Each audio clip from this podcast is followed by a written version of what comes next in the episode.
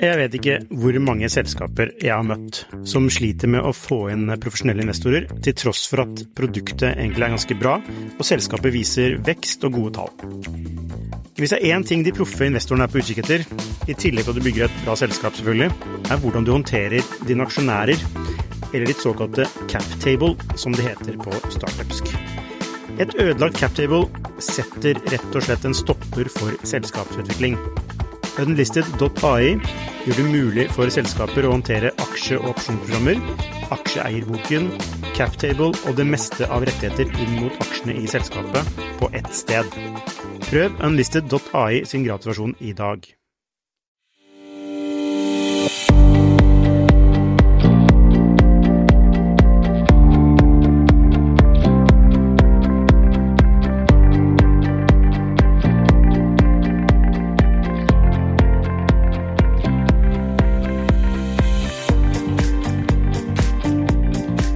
Hei og velkommen til Skifters podkast.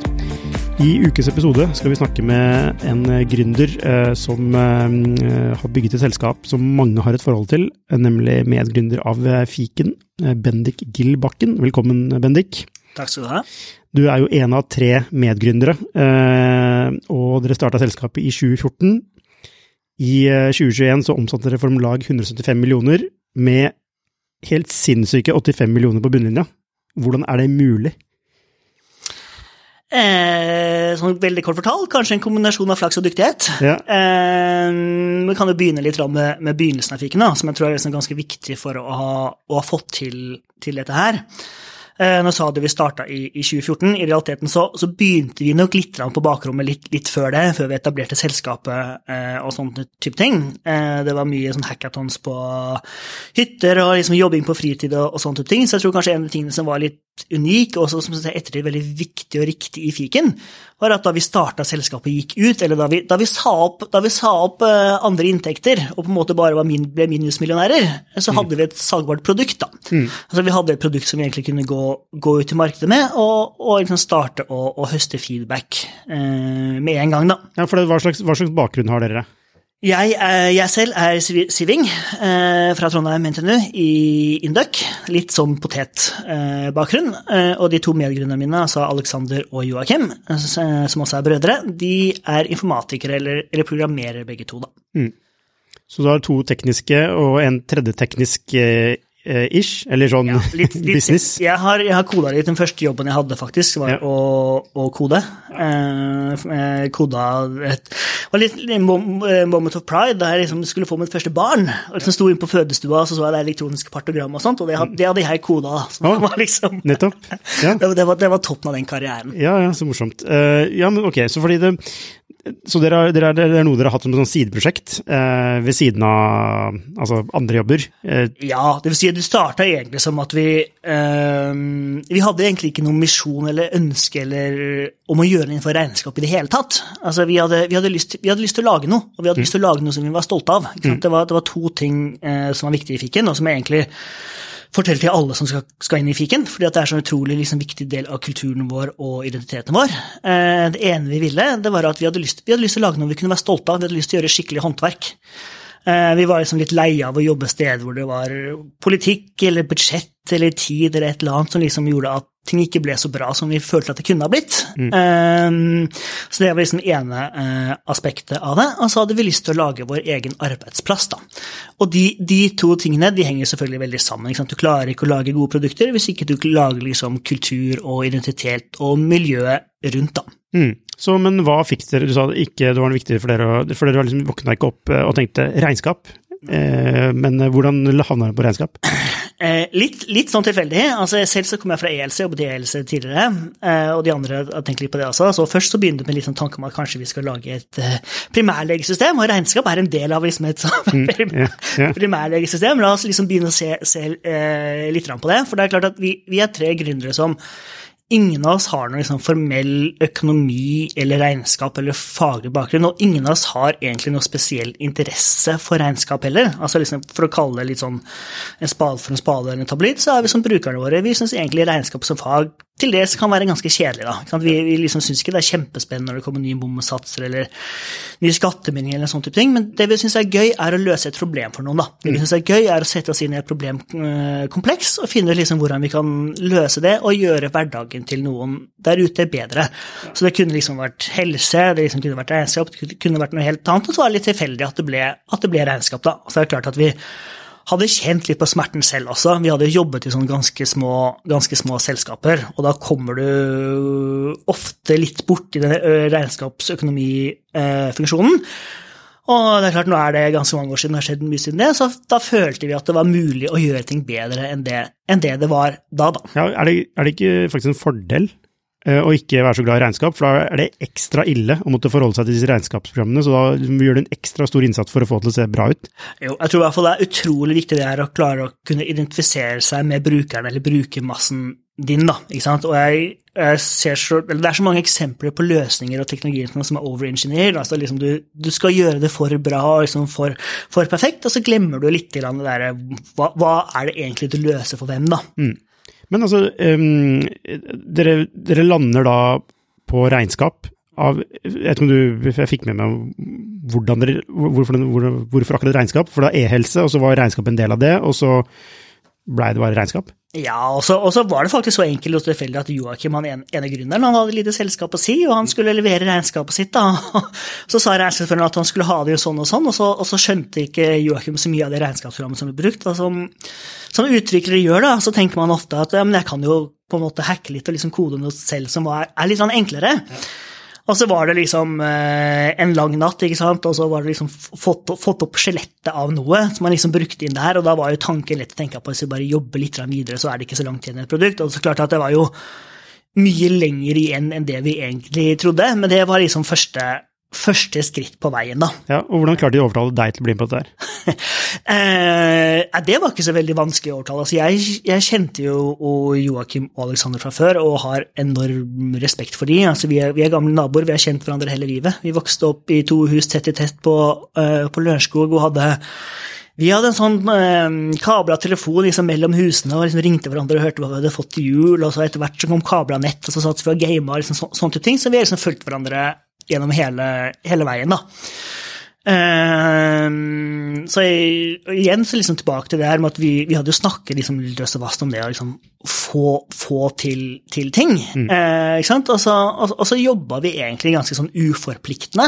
Uh, med dette her, liksom ved siden av andre jobber og, og, og sånne type ting. Og så kom vi, kom vi rett og slett bare til et punkt hvor ja, men nå har vi noe som vi tror liksom at noen kan bruke til å på en måte sende fakturaene sine og registrere kjøpene sine. La oss bare, la oss, la oss teste dette her, la oss, la oss kaste loss, da. Ja, og, og, hva var det som fikk dere liksom, over den lille kneika der? Var det noe konkret? Var det noe sånn aha-øyeblikk? Nei, jeg, jeg husker ikke det som, som ett aha-øyeblikk eller liksom en, en, en, sånn konkret ting. Det var på en det var det var en glidende overgang, egentlig. da. Og Hvordan klarer dere å ha fokus på fremdrift når det er, når det er et sånt sideprosjekt? Hvordan klarer dere å komme altså... Nei, klart, det, det, er jo alt, det er jo alltid utfordrende, og det er klart at det, og det, det, betyr jo også at det var en prosess som gikk litt sånn i, i, ryk, i rykk og napp. Eh, og i den fasen så så var det jo all ære til liksom Joakim Alexander. Det var de som liksom dro den tyngste delen av det, for det her var jo en løsning som skulle, som skulle utvikles. og jeg husker, jeg husker, de første møtene. Igjen, vi, vi hadde ikke noe bakgrunn med dette. her, og, Men Alexander hadde hatt bedduck da, eh, på videregående, så liksom de første møtene så hadde han med bedduck på siden. Så var han liksom det, det faglige alibiet. Eh, så det, det, var rett og slett det var rett og slett på en måte mange lange kvelder, turer liksom på, på hytter og liksom sitte med hackathon. Liksom, da sitter du liksom fra sju om morgenen til til ti om kvelden, liksom, så tar du kanskje en luftetur på en halvtime ja. i løpet av dagen. Hvordan, ok, Så da har dere noe dere bestemmer dere for å shippe ut, men sier dere da opp jobbene deres for å gjøre det, eller tester dere ut for å se om du får noen kunder først? Nei, da vi begynte å, da vi få, begynte å få kunder, da hadde vi sagt opp, vi sagt opp jobbene våre. Altså, Da hadde vi liksom tro på at det her Vi så potensialet nå, det vil si at vi sa opp jobbene våre, og så jobba vi litt som konsulenter. da. Det var det sagt opp jobbene våre. Men det betyr liksom at vi jobba som konsulenter, og så ga vi alle penga til Google Ja. eh, for å på en måte få liksom et, et, et annonse, annonsebatteri. Og så sakte, men sikkert så begynte det å skalere. og og planen eller jobben eller, eller, eller, eller drømmen til oss da vi starta, det var ikke å på en måte bygge egentlig fiken som fiken er nå. Altså Da vi starta, så hadde vi en, en tanke eller et mål. Vi hadde lyst på 3000 kunder, vi. Vi var tre stykker, vil si vi var egentlig fire, for det var en fjerde som også var med eh, i begynnelsen. Um, hadde lyst på 3000 kunder. uh, For da kunne vi som cirka leve av dette her. Da, da kunne vi på en måte ta ut en å- å- ok lønn og på en måte lage vår egen, egen hverdag. Og så rett og slett så, så bare tok det av, da. Hvor mange måte- kunder har du i dag? vi har 63 000 sånn cirka kunder i dag. Ja, det er jo veldig morsomt. eh, og det er veldig litt sånn typisk norsk også, å tenke sånn. Eh, og liksom bygge stein på stein og rødrød, ikke sant. Eh, kan vi leve av det, så er det kult. Og så tar det jo helt av. Men den derre Den første kunden dere får. Beskriv den følelsen av å få den første kunden. Eh, Jeg husker, jeg vet ikke om jeg husker akkurat den første kunden, men det var en litt sånn morsom historie. Jeg husker en av de, en av de første kundene eh, våre. for det var en, I begynnelsen så var det sånn som det er i gründerselskap, at eh, vi sendte ut vår personlige liksom, kontaktinformasjon til alle kundene. Alle kunne på en måte ringe oss til liksom, mest meg, da, til liksom døgnets tider og sånne type ting. Jeg sto mye liksom, i køen i matbutikken og fikk en kundetelefon. Ja, liksom, ja, ja. Måtte switche kontekst til et regnskapsspørsmål og liksom, øh, øh, sånne type ting. Jeg, jeg husker liksom en, en av de første kundene våre ganske tidlig, han var, liksom, han var en storkunde, for han hadde fem selskaper. Og han, eh, han var oppe i Finnmarka, hadde litt reindrift og, og alt mulig, så han liksom strakk vi oss veldig, veldig langt for. Og så sendte vi ut fakturaene, og så betalte han ikke. Så det var liksom Ja. eh, Så det var liksom en, en sånn historie. Men, men det er klart, etter det så, så, så bygga det egentlig bare sånn jevnt og trutt på seg, altså. altså at vi så liksom bare det at liksom mm, Det gikk egentlig fortere og fortere, liksom, må, måned for måned, liksom, og vi skjønte liksom ganske fort at det her var egentlig bare om å gjøre å på en måte få inn liksom me- me- mest, mest mulig, så vi kunne liksom få et mest mulig markedsføring og liksom begynne å få det her ballen til å begynne å rulle, da. Ja, for, det, for det, altså, det var ikke sånn at det ikke fantes regnskapsprogram da lenge lanserte. Altså, det fantes sikkert mange. Um, og når da man skal eh, lansere noe, så vil jo noen stille spørsmål ja, men det gjør jo de, det gjør jo de, hvorfor skal dere gjøre det? Og hvordan så dere på det? Jeg tror jeg vi hadde et litt sånn naivt, eller har tror jeg fortsatt et litt sånn naivt forhold til. Altså vi, Litt sånn tilbake til det som vi sa da vi starta. Altså målet vårt, eller liksom eh, DNA-et vårt, eh, er veldig mye det her med å lage, lage rett og slett et produkt som vi er stolte av. Og så har vi litt det der naive, og kanskje litt sånn typisk norske, norske innstillingen med at vi hvis vi klarer å ha fokus, og hvis vi klarer liksom å lage eh, det beste produktet, eh, så går dette her bra, da. Og hvis noen på en måte hvis noen slår oss og på en måte lager et annet bedre produkt, så så, so be it, da. Ja, Men, men et regnskapsprogram er heller ikke et regnskapsprogram.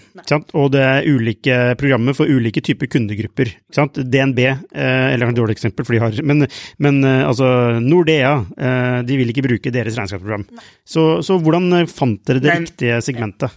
Og det var fordi at Da vi starta, viktig å huske på at det her er jo begynner å nærme seg ti år siden vi starta, så da så landskapet ganske annerledes ut enn det det gjør i dag. Altså Da vi starta, så var det veldig veldig mye færre eh, aktører, og der fikenføret har virkelig vært måten å være disruptiv og fått til noe nytt, og som vi nok ikke så den gangen, men det var nettopp det her med å kunne gjøre regnskapet selv. da, ikke sant? For veldig mye av det som fantes der ute, det var, det er, du kan si at det er to måter å lage et regnskapsprogram på, egentlig. Så basically, Man kan enten lage et regnskapsprogram for proffene, altså for regnskapsførerne, som igjen selger det veldig mye til sine kunder, og så har de på en måte fliker som på en måte sluttkunden igjen, igjen bruker, eller så kan du gjøre som Fiken gjør, det å selge veldig mye rett til sluttkundene.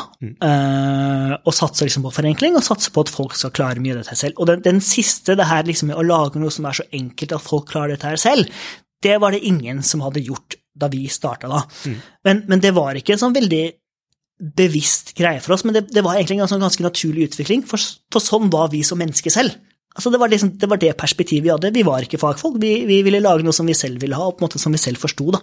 Ja, øh, og det er jo Mange gründere har ikke så veldig mye penger eh, til å gjøre ting, og øh, ofte i starten så kan det være smart å få en sånn Lære seg hvordan man gjør ting selv, også for å skjønne mekanismene i et Altså det å drive regnskap. Ja, ja, ja ja, absolutt. ikke sant? Og, og så er det klart også at det, det er viktig at fiken er ikke til bare for typiske gründerselskaper. Hvis du ser liksom, Fiken er til for små selskaper. Eh, altså Typisk opptil ti ansatte er det vi har som, som targetkunde. Og, og det er klart de fleste av de de sitter ikke her på Mesh. De fleste av de er på en måte snekkere eller IT-konsulent eller sitter og strikker eller har et lite enkeltpersonforetak på si eller liksom sånne type ting. Og det er klart For den målgruppen, og det skjønte vi etter hvert, så er ikke alternativet å ha en regnskapsfører. Alternativet er ofte å ikke gjøre noen ting. da. Mm.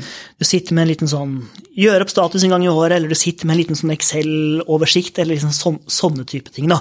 Så du kan si liksom at de de konkurrentene som fiken har. Da. Så det er sånn, vi konkurrerer på en måte litt, litt, nedover egentlig mot det å ikke gjøre noen ting. Eh, og så konkurrerer vi litt mot det å, å ha regnskapsfører. Nå er det etter hvert blitt ganske mange regnskapsførere som også bruker fiken. Eh, og så konkurrerer vi litt oppover mot måte, litt mer proffe systemene, da. Mm, ja, nettopp. Um, dere har ikke hentet en eneste investorkrone. Og det eh, er du sikkert veldig stolt av, det hadde jeg i hvert fall vært hvis jeg hadde vært deg eh, og, og, dere, fordi det er jo, gjør det bare utrolig imponerende, det dere har fått til. Hva, hva er bakgrunnen for at dere jeg, jeg, regner med at dere sikkert har snakket med noen investorer på veien? Vi har snakket med veldig mange. Ja, var det noen som ble tilbudt å investere som ikke gjorde det? Nei. Nei, ok. Så dere har snakket med mange. Hvorfor ble det ikke noen investering da? Det er rett og slett litt, litt igjen tilbake til igjen tror jeg tilbake til liksom det, som har vært, det som har vært fundamentet for fiken. Det her liksom med å, å skape vår egen arbeidsplass, noe vi selv holder på med. Ha litt der evighetsperspektivet, være stolte liksom over, over, over det vi gjør. Eh, vi har liksom følt i, i, i den settingen så har det vært en ganske stor fordel å på en måte sitte, sitte med kontroll selv. Da, og på en måte ha det evighetsperspektivet og på en måte vite at det, det finnes ikke noen andre agendaer i selskapet enn det å lage bra produkter. Mm. Det er liksom den eneste, eneste agenda. Men når det er sagt, så, så er det ikke sånn heller på en måte at vi har liksom kategorisk lukket døren for investorer og satt at liksom investorer for enhver, en pris er, er dårlig. Vi har, med, vi har snakket med mange, vi også, og det er klart at jeg men igjen så er det her tilbake til for en del år siden, og investormiljøet har kommet seg mye, men jeg syns i hvert fall at for en sånn fem, seks, sju år siden så var vi veldig ute etter liksom, ok, hvis vi skulle få inn noen, så måtte det være intelligent kapital. da. Mm. Vi så på en måte mye kapital, men vi så ikke så mye intelligent kapital.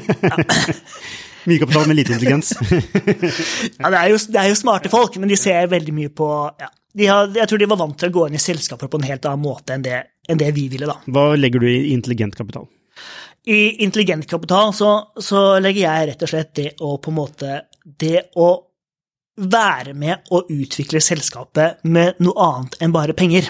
Og det er liksom å skjønne selskapet. Altså, fiken er så produktorienterte og liksom produktnære at det ville aldri fungert med en investor som på en måte bare satt i regnskap, eller satt i Excel-arket sitt og på en måte egentlig ikke skjønte hva vi drev med da. ikke mm. sant? Mm. Og fiken er, og jeg som leder også, og filosofien og kulturen vår, er utrolig nedenfra og opp. Det, og det å, det å ha noe som skal styre veldig sånn ovenfra og ned, hadde blitt en ganske stor kulturkrasj. Ja, skjønner. Eh, så dere var i dialog med Men hva Altså, dialog, dialog det, er litt, det, er litt, det, er litt, feil å si. Vi, vi, har snakket med noen, og vi har snakket mm. en, del, en, del, med noen. Ja. Eh, også fordi at vi syntes det var litt spennende i begynnelsen. Det var liksom en, en, litt ny verden, og det var liksom noen som så litt hva vi drev med, og liksom eh, sånn type ting. da. Men dere kunne jo solgt fiken nå, eh, sikkert. Eh, sikkert til Visma. Visma har sikkert snakket med dere om å kjøpe fiken. Hva, hva sier du til det? Kanskje det, sier jeg da. Ja. De kjøper jo alt av regnskapsprogrammer, ehm, så, så hvorfor selger dere ikke? Eller har dere, har dere fortsatt masse, masse ugjort? Vi, fø, vi, føler det, da. At vi på en måte har, har masse ugjort. Og vi føler det, altså. Det, vi har en liksom seing i fiken at vi uh, Vi tjener gode produkter fordi vi uh, Nei, vi tjener gode penger fordi vi lager gode produkter lager ikke gode produkter for å tjene penger. Så jeg tror, liksom, tror det er ganske mye i den kausaliteten, eller liksom årsaks, årsakssammenhengen der, da. Mm. Uh, og det var liksom det som var grunnmotivasjonen da vi starta, vi starta Fiken. Og nå går det jo på en måte veldig økonomisk bra med Fiken, så vi har for så vidt ikke så mye bruk, bruk for det. Uh, nettopp det at vi, vi, vi, har funnet på en måte vår lekegrind og et sted liksom, som vi, som vi stortrives med. Og jeg ser liksom ikke hvorfor, hvorfor skal man rokke med det, da. Nei, det er jeg helt enig. Hvorfor det? why, if it ain't broke, why ja. fix it, ja. som det heter på engelsk. Um, ok, interessant. Um, du har fått litt sånn bakgrunnshistorien uh, og litt filosofien din uh, bak, eller deres uh, bak fiken. Så hvordan vil du måtte, dele inn de ulike vekstfasene? Altså når, det, måtte, når har det måtte, liksom, tatt av? Altså hva, hva har skjedd i de fasene? Altså nå har jo Jeg får veldig ofte det spørsmålet liksom, var, når, når, måte, når knakk kurven, eller hva var den vanskelige tiden som dere liksom gikk gjennom, og på en måte hvordan overvant dere det? Liksom. Men, men, der har fiken vært en veldig sånn solskinnshistorie. Altså, fiken har egentlig hatt en vekstkurve som har, som har bare akselerert hele veien. Ja. Det har på en måte egentlig gått fortere og fortere fra måned til måned og, år for år, og, og gjør, øh, og, gjør, og gjør fortsatt det. Men, men, når det er sagt, så er det klart at selskapet liksom sådan, og min rolle og måten vi jobber på, har vært gjennom noen faser. Mm. Og så vil jeg si at sånt, i, i, en sånn selskapsreise så er det ikke en sånn det er ikke, Du er ikke fra én fase liksom fra én måned til neste måned. Det er, det er, jo en glidende overgang, og du skjønner det kanskje ikke selv heller før det på en måte har gått litt tid og man har og man prøver å se tilbake, da. Ja, Hvilke, eh, hvilke ja. faser har du gått gjennom, da? Nei, jeg vil si at i, i begynnelsen, litt som jeg var inne på, på, på da, så, så var jo jeg, og det vi alle, vi var jo liksom poteter med stor P. ikke sant? Vi, vi, vi gjorde jo alt vi var uh, fire eller tre, tre stykker. Uh, vi gjorde alt det liksom fra å gjøre Jeg gjorde support. Uh, jeg gjorde litt support. Jeg på en måte gjorde, gjorde litt spekk. Jeg på en måte så litt etter nytt sted, nye lokaler. liksom, Det var liksom alt, alt mulig, da. Mm. Uh, og så har det på en måte Jeg tror liksom Kanskje den en sånn stor overgang liksom, i selskapet var liksom I fiken så har vi egentlig to, to, avdelinger. Vi har en utviklingsavdeling, eller utviklingsorganisasjon, egentlig som jeg leder, og så har vi en kundestøtte- eller supportorganisasjon eh, med mm. en annen leder. Så jeg tror kanskje én sånn milepæl liksom, i, i, i, selskapsutviklingen var da vi da vi, da vi, ansatte vårt første som på en måte kunne jobbe med kundestøtte og kundesupport. Mm. Uh, det var liksom ett stort eh, skille, og betyr liksom at vi kunne dele mer på, på arbeidsoppgaver. Og tilsvarende liksom var det når vi begynte også å få vil jeg si, når vi begynte å få noen andre ansatte som ikke var gründere. For det er også ikke sant, som gründer, og sånn vil det nok alltid være, så har man alltid et liksom eget syn eller eget perspektiv, eller på et eget, eget forhold, da, liksom på godt og vondt liksom, til, sin, til, sin, egen baby. Og så begynner man å få inn, inn, inn, inn ansatte, og så må man respektere på en måte at de, de har et litt annet på en måte, forhold til det. da. Hvordan er det å gi slipp på det? Altså gi slipp på kontrollen? Eh, vær ærlig nå. Hvordan er det å måtte gå fra at du har bestemt alt hele tiden, til at nå må, faktisk, nå må du faktisk la andre Det er, det er tøft, eh, og det er, det er, vondt, og det er, det er vanskelig. Ja. Det, er vel, det, er vel, det er vel det ærlige svaret. Har du gjort noe feil der som du har lært av? Eh, jeg har nok gjort Jeg har kanskje gjort en feil at jeg burde nok på en måte i mange tilfeller kanskje ha Jeg syns selv at sånn, i ettertid så tror jeg jeg har vært ganske flink til å stripe kontroller. Jeg kunne på en måte gjort det enda litt kjappere, da. Mm. Eh, ikke sant? Og, men jeg føler at en ting som har vært veldig viktig, og som vi har liksom vært veld, veldig bevisst på, og det er liksom det å, å, gi alle som kommer inn i fiken, liksom tid, rom, liksom eh, autonomi og ansvar måte til å, til å skape til å skape noe selv, da, liksom innenfor, innenfor fikens rammer. Uh, og at det ikke skal være sånn at du på en måte har, har gründerne og på en måte hodet, og så har du på en måte utførerne og på en måte, mm. Mm. På en måte hendene. Men alle på en måte må få lov til å, å være med og, og forme. Da. Og, og fiken er også et selskap som har jeg vil si vi har utrolig lite prosesser, liksom rutiner eh, og sånn type ting i fiken. Og det funker bare hvis du på en måte gir folk eierskap og autonomi, da. Ja, Hvor mange ansatte er dere? Vi er 45 ansatte. 45 ansatte, ja. Det er jo en del. Det er en del. Ja, eh, og, og, dere er delt opp slik at du, dere har utviklingsavdeling, utvikling av produkt sikkert, ja. Eh, og så har du da kundeservice som er eh, For det er mange, når du har 63 000 kunder, så er det mange henvendelser, vil jeg tro. Ja, vi kan si at de to avdelingene er ca. like store, mm. og så har vi noen som jobber med markedet også. Ja, nettopp. Ikke sant. Men tilbake til dette med å gi slipp på kontroll og det å vokse i rollen som leder. Ikke sant? For man går jo fra å være gründer til å bli leder.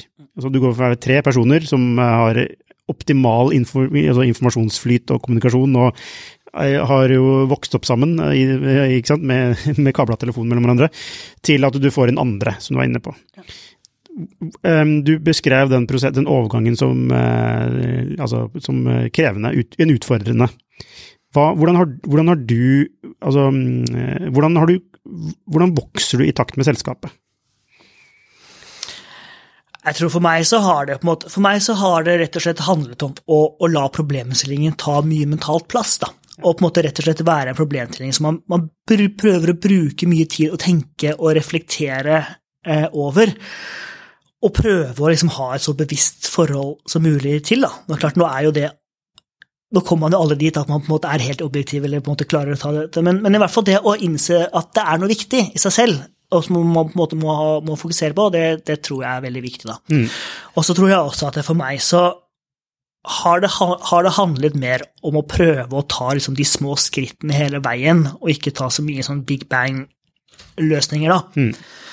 Uh, og liksom har liksom jeg, jeg, har i hvert fall det grunnleggende målet liksom at alle altså, Jeg tenker sånn at alle Jeg vil ikke at noen skal jobbe i fiken som kunne hatt det bedre andre steder. Altså Det skal være grunnen for å jobbe i fiken. da. Hvis mm. du liksom genuint kunne hatt det bedre et annet sted, så bør du jobbe et annet sted. da. Mm. Så det er liksom et sånt tankesett som jeg prøver med liksom alle som kommer inn i fiken. at jeg må finne ut på en eller annen måte, så må jeg være sikker på at de har det bedre i fiken enn det de ville hatt et annet sted. da. Mm.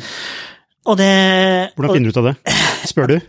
ja, det handler jo rett og slett om å prate sammen, da. Mm. Uh, For det er jo alltid, altså det er alltid tilfeller at eh, en person ikke matcher med et selskap man er i. Ja. Uh, og da, jeg vet ikke om du har hatt noen tilfeller hvor det da kanskje er bedre et annet sted? Nei, jeg vil liksom kanskje snakke litt om, om, mennesker, da. For mennesker er liksom, mennesker er fundamentet i alt, alt det vi gjør, men mennesker og kultur. Uh, og det er en ting som vi, vi har forsøkt å være veldig bevisste på. Og jeg tror mange mange i fikens setting ville nok vokst mye fortere enn det fiken har gjort. da. Mm. Vi har vært opptatt hele veien av å jobbe i det som Eller å vokse i det som vi selv syns har vært et forsvarlig tempo. da. Mm. Og for oss så har det liksom vært kanskje å ansette mellom fem og ti personer i året, i hvert fall i det, i det siste. Mm. Uh, og vi har liksom ikke hatt noe løp hvor vi har sagt at vi skal ansette 100 personer det neste året, eller eller, eller, eller liksom så, så, sånne, type, sånne type settinger, da. Mm. Ja, da hjelper det jo ikke ha noen investorer? Da hjelper det, hjelper det ikke å ha noen eh, investorer. For det er klart at en ting som nå, nå, jobber vi med produktutvikling, digital produktutvikling, og en ting som jeg føler at jeg har lært lært veldig mye, eh, eller en av mine store kjepphester, for å si det sånn, ja, ja. det er at det er ikke nødvendigvis noen sammenheng mellom hvor mellom antall mennesker du har, og hvor mye du får gjort da, innenfor Nei. utvikling. Det handler om, måte, om å finne de riktige menneskene, og så handler det måte å gi de verktøyene, og så handler det om å la liksom, teamene få, få, tid og rom til å, til å, settes. da. Og det er utrolig vanskelig, for ikke å si umulig, og noen ganger nesten kontraproduktivt, og det er liksom å tro at du kan kjøpe deg til tempo. da. Ja, nesten, Det er jo nesten sånn per definisjon at jo flere du blir, jo, jo lavere produktivitet per ansatt er det.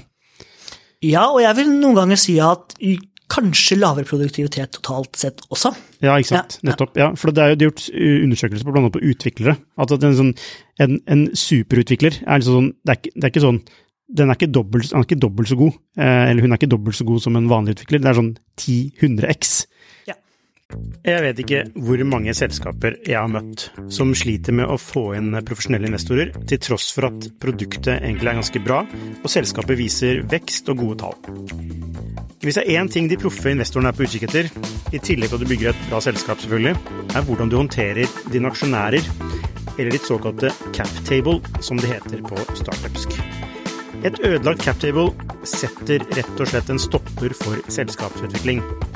Unlisted.ai gjør det mulig for selskaper å håndtere aksje- og opsjonsprogrammer, aksjeeierboken, captable og det meste av rettigheter inn mot aksjene i selskapet på ett sted. Prøv unlisted.ai sin gratisversjon i dag. Er det din erfaring òg? Det er min erfaring, og det er klart det gjelder utviklere, men det gjelder også, også mange andre yrkesgrupper. Mm. Så liksom, jeg tror For fiken så har det, det, handlet, det handlet veldig mye om å finne flinke mennesker som også er hyggelige. da.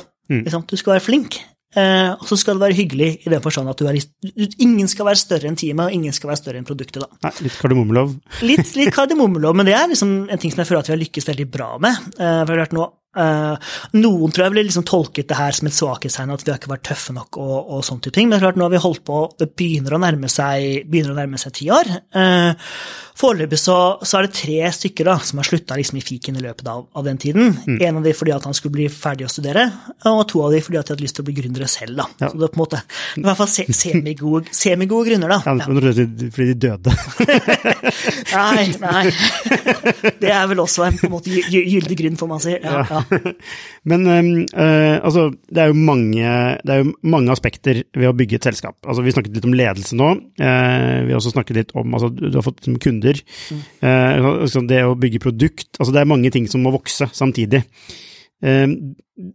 du har vel hatt kanskje hovedansvaret, siden de to andre er informatikere, så har du vært litt mer sånn businesspersonen.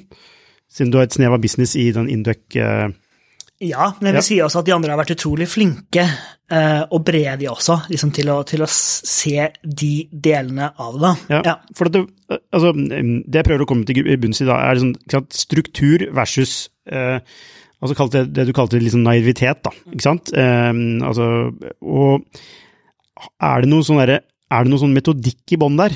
Som er Altså, er dere litt sånn Er dere nazi på tall, på måle trafikk, på konvertering Altså sånne Hva har vært litt sånn viktige altså vekst altså drivere, da. Eh, for det, det kommer seg altså det høres litt enkelt ut at det bare man liksom lager noe som man er stolt av, og så kommer kundene kjappere og kjappere. ja, men samtidig så tror jeg litt på det at det er noe med å holde ting enkelt også. Ja, ja, ja, ja jeg er helt enig. Ja, du, du, du jeg er helt enig.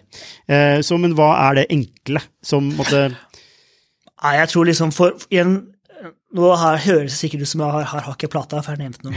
Eh, men, men, men det med liksom Jeg prøver å sammenligne også liksom, litt sånn med toppidrettsutøvere. Og så mange tror liksom at det å være toppidrettsutøver, det, det handler liksom om å prestere en gang hvert fjerde år i OL, eller liksom, liksom så, sånn type ting, og at det er det som utgjør en toppidrettsutøver. Men, men det handler liksom om å gå på det handler om å gå på trening hver dag, og så handler det på en måte om å bli litt bedre hver eneste dag. Da. Det var vel Kjetil André Aamodt tror jeg, som sa det, som er veldig godt sagt, at det var, liksom, det var hans oppskrift til suksess. Det var liksom å gå på trening 365 ganger to ganger i, i året, og være litt bedre for hver eneste, eneste trening. Så jeg tror liksom at det, det, har vært, det har vært veldig fokuset til fiken også. Liksom det her med å, å skape et bra miljø, skape en god hverdag, eh, og det her med å være utrolig produktorienterte og produktopptatte. og liksom at hvis, hvis, hvis det er brukerens problem, så er det er det vårt problem, da. Og så er det klart at ja, på en måte så er vi naive, men, men vi har på en måte lagt alle eggene i den kurven på at det beste produktet vinner, da. Altså Jeg føler at det er liksom to skoler her, da. Eh, Jeg snakker med hundrevis av gründere, og du har den der, den ene som er veldig kvantitativ, og som, eh, som måler ting i hjel? Eh, men som kan lykkes med det.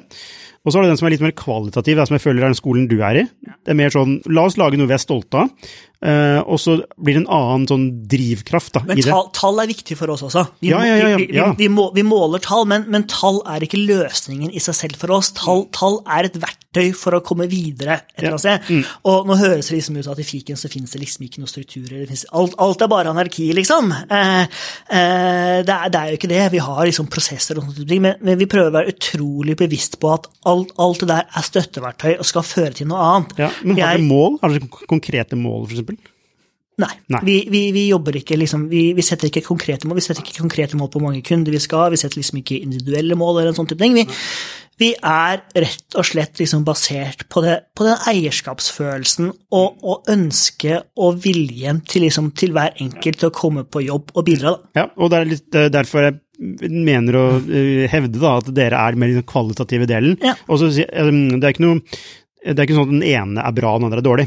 Begge, begge modeller funker, eh, men den er mer, altså den er mer menneskesentrisk, da, kan man si. Eh, og det er mer sånn vi skal, Hvis vi trives på jobb, så gjør vi en bra jobb, eh, og da blir det bra, bra produkter av det. Og det er overhodet ikke noe sånn tegn på svakhet eller noe som helst. Det er bare to forskjellige veier til til et mål da, som kanskje dere ikke har, men som, eller en eller annen endgame. da. Apropos det, hva er, hva, er det bare sånn vi, er fornøyd med det vi har, og vi skal fortsette å bygge det? Eh, Eller ser dere for dere å kanskje selge det på et eller annet tidspunkt? Altså, fikk, fikk, altså man kan, livet er langt, og mye kan skje i livet, så man man kan aldri garantere liksom noe på, på, på, på noe plan. Men, men vi, vi, vi er inne i fiken fordi at vi, vi har lyst til å bygge et bedre produkt år for år. Da. Det, er liksom, det, er, det er det som, Hvis du spør liksom hva som er Vi har to mål vi for neste år. Sant? Vi, skal ha, vi skal føle at vi har lagt mange alen på, på produktet vårt. Det skal, bli, det skal bli bedre, og som et resultat av det, eller liksom et bevis på det, så skal vi ha fått flere kunder. da. Mm. Det er Ja. liksom så, så, så enkelt og så vanskelig. Ja, ja, det er så enkelt og så vanskelig. Det er? Det er, det er liksom, eh, som jeg har sagt 17 000 ganger i denne podkasten her, det, er- det å gå ned i vekt eh, er jo ikke rocket science. Det er jo å spise mindre og trene mer, eh, men det er samtidig veldig vanskelig for veldig mange å få til det. Ja, ikke sant. Og, og, ikke sant? og, og liksom, jeg føler litt at når jeg sier det der, så høres det liksom så Det høres så enkelt ut, liksom. Bare liksom komme, men, men ikke sant? Det, det å komme liksom på jobb hver dag og liksom skape det engasjementet og liksom ha, ha fokus og liksom skape det ene lille skrittet Ja. liksom hver, hver, hver dag, det er ikke lett. Ikke sant? Det, det, det, krever masse. Ja, Ja. ja, eh, ja, det krever masse, men hva er kan man, Er det en bakside av medaljen? Er det noe på, hva, er, hva er det vanskelige her?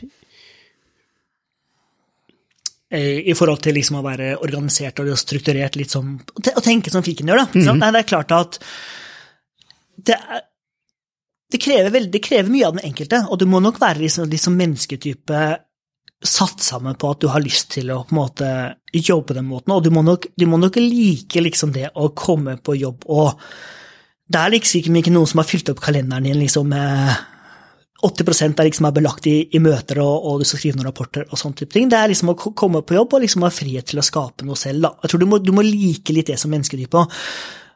Og det er noe som vi også har sett ganske bevisst etter i fiken. Det å på en måte få inn mennesker som, som liker litt den friheten, da. Og liker, liker litt den måten å jobbe på. Sant? Og, det, og det prøver vi. Og en annen ting som vi er veldig opptatt av i fiken, er det her med ærlighet. da. Altså vi tror liksom, hvis, hvis vi ikke er ærlige, og hvis ikke jeg er ærlig, og hvis jeg prøver å være en annen enn den jeg er, liksom på, på godt og vondt, så, så, så faller egentlig alt sammen, da. Eh, og det sier vi liksom alle liksom, som, som potensielt skal jobbe i fiken. Så sier vi at sånn er fiken. Det er liksom ikke noe fasit på hvordan du skal organisere ting, men dette er måten som vi har valgt å organisere ting på, da. Mm. Ja. Um, uh, vi har jo snakket om altså funding, uh, det har ikke vært noe tema i dette her. Uh, i, I forhold til produktutvikling så er det lag det beste du kan, eller noe du kan være stolt av. Ja, å, være stolt av det, det er liksom utrolig viktig. Og, liksom, og det jeg syns kanskje er, er morsomst med morsomst med fiken, eller en ting som gjør meg mest stolt av, da. Og det er at vi er utrolig forskjellige mennesker. Altså, litt, vi har nok noen grunnleggende felles trekk i fiken, men i fiken så er vi alltid fra liksom, Vi har en slottsknekt som har liksom vært knekt, knekt, knekt på slottet, til liksom hundetrener, til liksom frisør, og vi har doktorgrad i fysikk og, liksom, og, og, og sånne type ting. Men, men alle kommer inn, føler jeg, da, og liksom tar et eierskap og fører en del av den, den stoltheten, da. Mm. Det man kan, jo, man kan jo si, da, eh, som et slags motsvar til det du sier, er jo altså Dere er 45 ansatte, det er mange, men det er ikke så mange. ikke sant? Hvordan, eh, og kanskje ikke det er målet for det blir så mange flere heller. Fordi at det er jo Altså, det er vanskeligere å opprettholde en Kall det altså, det er ikke, det er altså, dere, er- altså, mye sterkere kultur, virker det som, enn struktur. Ikke sant? Det er mer, kult, det er mer kultur. Eh, og det kan være vanskelig å opprettholde det med f.eks. 1000 ansatte, da, eh, enn Absolutt. enn 45. Ja. Og, når, og hvis du spør hva jeg tenkte, så tenkte jeg Og det var en av de tingene som jeg var veldig Som jeg lurte veldig på som leder. Altså, jeg hadde aldri vært gjennom en sånn type reise før. Og liksom, når jeg så at vi sto der liksom som Kanskje begynte å runde ti ansatte, da, som er liksom sånn den første liksom, liksom, du, du kanskje begynner liksom å kjenne knirkningene sånn tradisjonelt. liksom, Hvordan skal vi liksom, Har vi liksom nådd taket nå? Klarer vi liksom å skalere, skalere dette her mer? Eh, men så har det jo gått veldig fint fram til nå, da. Eh, men jeg er helt enig med deg liksom å si at 1000 ansatte, da måtte vi liksom ha, ha gjort noe. Men Men det er ikke noe mål heller. det, det er ikke nødvendigvis noe mål, da. Nei. Eh, ja, det er ikke så mange eh, sånn spesifikke metodikker her som vi går i dybden på, så da er jeg mer nysgjerrig på altså Vi har vært litt inne på det, ting du har lært gjennom reisen. Én ting er liksom, hva, hva har selskapet lært, og hva har du lært personlig som menneske i denne reisen her? Uh, st- st- Store, store, store, vanskelige spørsmål. Uh, eh, For så vidt. Jeg tror liksom en ting som jeg Altså, jeg begynte faktisk da jeg liksom var ferdig, da jeg var ferdig studert. Eh, så begynte, så begynte jeg faktisk litt som en sånn strukturfascist, for å Ja. kalle det det. Ja. Kom ut fra skolen, liksom, jeg hadde liksom lært meg metodebatterien min og liksom teorien, og liksom skulle liksom komme, komme inn i de første prosjektene. Jeg husker liksom noen av de første prosjektene jeg var prosjektleder for. så kjøpte jeg en MS Project og tegna liksom store Gantt-diagrammer og prøvde å liksom estimere alt i detalj og liksom så, sånn type ting. Så det, det har nok vært liksom ett et, ehm, et, et aspekt. Men så føler jeg liksom at hvis du spør hva man har lært, så er det liksom kanskje, kanskje det man lærer mest om liksom underveis, det er at man, man rett og slett Det høres litt sånn flåsete men, men man lærer på en måte noe om man lærer på en måte noe om mennesker. da. Man lærer på en måte kanskje noe om livet eller på en måte mennesker. og liksom, og jeg tror liksom Et aspekt som, som jeg har hørt, er liksom at folk vil stort sett godt, altså. Hvis du på en måte gir, hvis du gir folk liksom tillit, aut autonomi, igjen tilbake liksom det her med, med, med, verktøy, med verktøy og ansvar, så, så marsjerer folk ganske takt, liksom, bare på det alene, ikke sant?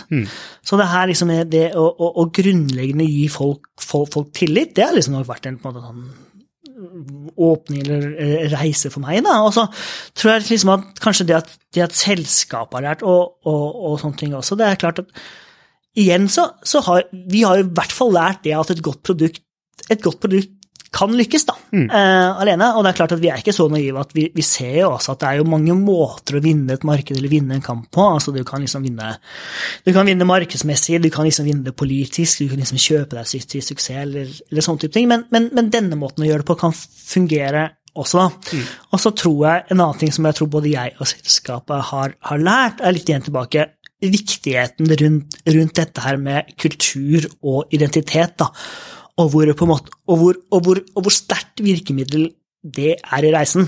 For hva er kultur for deg, da?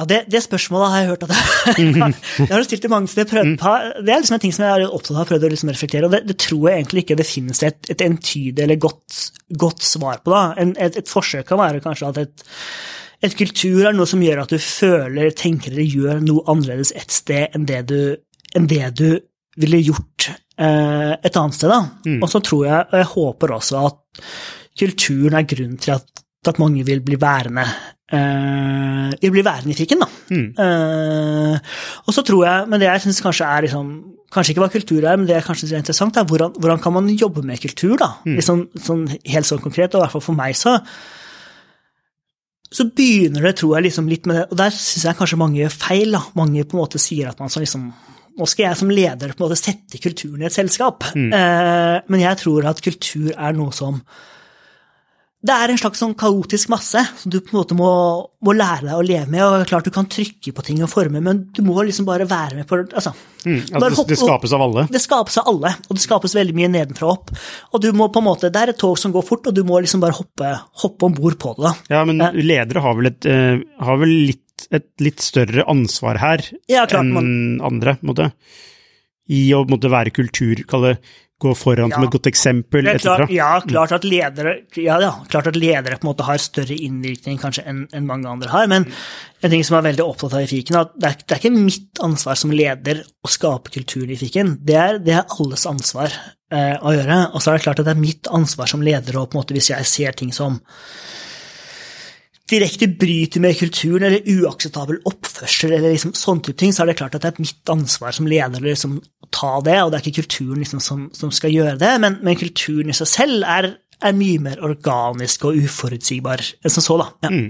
Mm. Um, vi hoppa litt bukk over det. Vi snakket litt om det, men jeg er litt, også litt nysgjerrig. For det er en ganske heftig konkurransesituasjon som dere befinner dere i. Og Absolutt. DNB har bl.a. kommet med et regnskapsprogram osv. Eh, osv. Så, videre, og så, videre. så det er mange flere alternativer nå enn det var da, da dere starta. Hvordan, hvordan ser dere på konkurranse?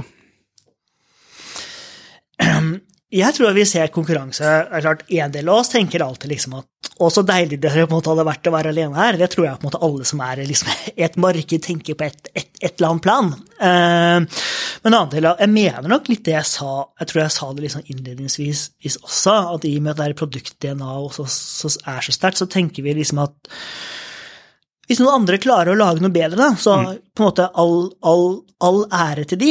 Uh, og vi har mer lyst til å på en måte gå ned liksom med, med, flagget til topps, og på en måte dette var det vi klarte, og dette var det vi fikk til. Og kanskje, kanskje på en måte uh, kan, Kanskje holdt det ikke, da. Mm. Uh, ikke det, men det er klart at det er jo Men det betyr jo også at vi er ikke naive for det. Det betyr jo også at når det kommer flere aktører og større aktører, så, så konkurreres det også på andre dimensjoner enn en bare produktdimensjonen. Da. Ja, På hvilke måter da? Nei, Det er klart at en, en, en aktør som DNB, kanskje, kanskje, deres største styrke, er jo, er jo mark, markedsmakt. da. Mm. Ja, Mar markedsmakt og på en måte volum og størrelse. da. Ja, De har kontoen din? De har kontoen din, ja. Mm. Og de har også Fiken av masse kunder, men, men DNB har enda flere kunder. da. Men er det noe sånn at ødelegger de for tilgangen fiken har til DNBs konto? Eh, når de kommer, altså Skjer det noe ting der, liksom? Eh, nå vet ikke jeg. det, tar, det tar seg aldri tar seg, eh, Nei, det gjør det ikke. Eh, men det er klart at det tar seg aldri godt ut å snakke så mye negativt om, om konkurrenter. Men, men, det er klart at vi ser jo også at, at, at, at folk måtte trykke på alle knappene som de kan trykke på. da. Mm. Ja. Hva betyr det? Eh, nei, en, konkret ting som liksom vi, vi syns er liksom halv, halv ufint, er at man gjør jo, man gjør prisdifferensiering. da. Liksom, mm. Man har sine, man har sine, egne programmer på en måte som man setter liksom én pris på eller gratispris på, og så prøver man å prisdifferensiere mot, mot andre aktører, da. Mm, nettopp. Ok, så det man altså subsidierer, på en måte? Ja. Og det er klart, liksom aktører, aktør, Igjen for å være litt sånn Du er ikke så langt inne, men det er klart at for, for aktører som Altså banker, for å ta de, da. De har så mange andre agendaer, ikke sant. Og det er klart det er jo andre ting liksom enn egentlig det å selge et regnskapsprogram som er viktig for dem. Det er på en måte liksom det å kunne levere lån, eller det å på en måte ha, ha andre produkter i porteføljen. Det er liksom det som det er det som egentlig er det viktige, da. Ja. Ja. Og er det da altså, Og det kan jo være at andre ting kan være viktigere enn produkt. Ikke sant? I valget. At du faktisk, det er distribusjonen. At du bare, når du oppretter en bankkonto, så har du automatisk et gratis regnskapsprogram. Ja. Eh, som er sånn Kanskje det er dårligere, men det aksepterer man fordi det er gratis. Ja. Eh, hvordan, jobbe, hvordan konkurrere mot gratis? Det er jo en sånn klassisk greie. Er det liksom bare å fortsette å være god på produkt, og, eller må du måte finne da de spesielle kundene som faktisk er villige til å betale det er klart, Man skal, man skal i hvert fall ikke kimse av det. ikke det er klart, men men jeg, jeg tror igjen at det, at det er klart at jeg, jeg tror vi løser et problem for folk som er ganske viktig. da. Eh, så Det betyr at jeg tror at det er jeg tror at det er betalingsvillighet, eller jeg tror på en måte at Folk er mer opptatt av å velge på en måte det regnskapsrammet som gjør hverdagen enklere, fordi at kompleksiteten er så stor, enn kanskje om du velger eh, Pepsi eller Pepsi Max, da, eller liksom, hvilken sjokolade du velger, eller, eller sånne type ting. Da. Jeg tror du på en måte gjør litt mer research og på en måte gjør et litt mer bevisst valg rundt det. Eh, og så er det klart at Fiken har jo på mange måter en ganske, ganske sterk posisjon også, fordi at vi, vi måler jo det, altså litt sånn tilbake til måling, en ting som vi er opptatt av målet, er på en måte av de kundene som vi får inn, da? Hvor, hvor mange er det som egentlig kommer inn via nettverkseffekten? Altså Hvor mange er det som på en måte kommer inn fordi at de blir anbefalt av, av andre? Og liksom den desidert største kilden som vi har til vekst, det er fordi at man blir anbefalt det andre, da. Ja, nettopp. Ja, Og, jeg, og jeg tror det er jo en, en slags nettverkseffekt som er, er vanskelig å bryte også. ja word of mouth. Ja. Ja, mm, nettopp. Eh, ja, det er vanskelig å, i hvert fall over natta, bryte. Eh, det tar jo tid å bygge opp, og det tar tid å miste. Um, ok, uh, men uh, tilbake til avslutningen. Eh, hva, er det du uh, vil gi av råd til altså, ferske gründere som skal bygge selskap? Jeg tror, jeg tror det er no, noen ting som, som er viktig. Jeg tror det ene er det å, å løse et reelt problem. Altså at, at det er det mange som gir, men jeg tror det er Alle sier jo det. det, er jo liksom det, men jeg ser mange som på en måte ikke gjør det også. ikke sant? Eh, og det å på en måte være, være bevisst på det problemet, Hvordan vet du at du løser et reelt problem? det tror jeg du, det tror jeg du vet ved å snakke med folk. Eh, og på en måte være ganske mye ute i bushen og liksom snakke med folk og, og skjønne hva, hva problemet er. da. Men dere gjorde ikke det, for dere, bare, for dere hadde problemet selv. Vi hadde problemet selv, så det på en måte kan være én måte å men, men når det er sagt, så vi, vi brukte ganske mye tid og energi også på å på en måte være der ute og skjønne, og det var jo, jeg så jo det også som en ganske stor fordel at supporttelefonen gikk til meg i begynnelsen. Fordi at én ting er liksom, det er kanskje ikke så spennende å svare på mange supporthenvendelser, men, men det gir ganske bra innsikt, da. Mm. Ja, ikke sant. Så du må eh, løse et reelt problem. Eh, er det andre ting? Eh, Ja, jeg tror eh, en del har på en måte litt sånn inntrykk av en gründerreise litt som en sånn eneste, en eneste stor fest. ja, det er jo det, er det ikke det? Eh, men jeg tror liksom det å Og det er masse, masse fester, eh, det, er ikke, det er ikke det, liksom. Men jeg tror liksom det å, å trives med hverdagen, liksom, eh, inn der, er utrolig viktig, da. Og jeg tror liksom det å innse at selv de kort, altså det er klart det finnes uttrykk, men jeg tror de aller fleste, de aller fleste gründerløp de er mer maraton enn sprint. altså. Så det er liksom å ha litt mer stayerevne og liksom og, og i det, og en ting som har vært viktig for meg personlig, så, så er det rett og slett å ta vare på seg selv. da. Eh, og det å på en måte finne, finne litt andre arenaer også enn enn bare jobb. Ja, har du det? Ja, det vil jeg si. Ja, jeg har ikke det.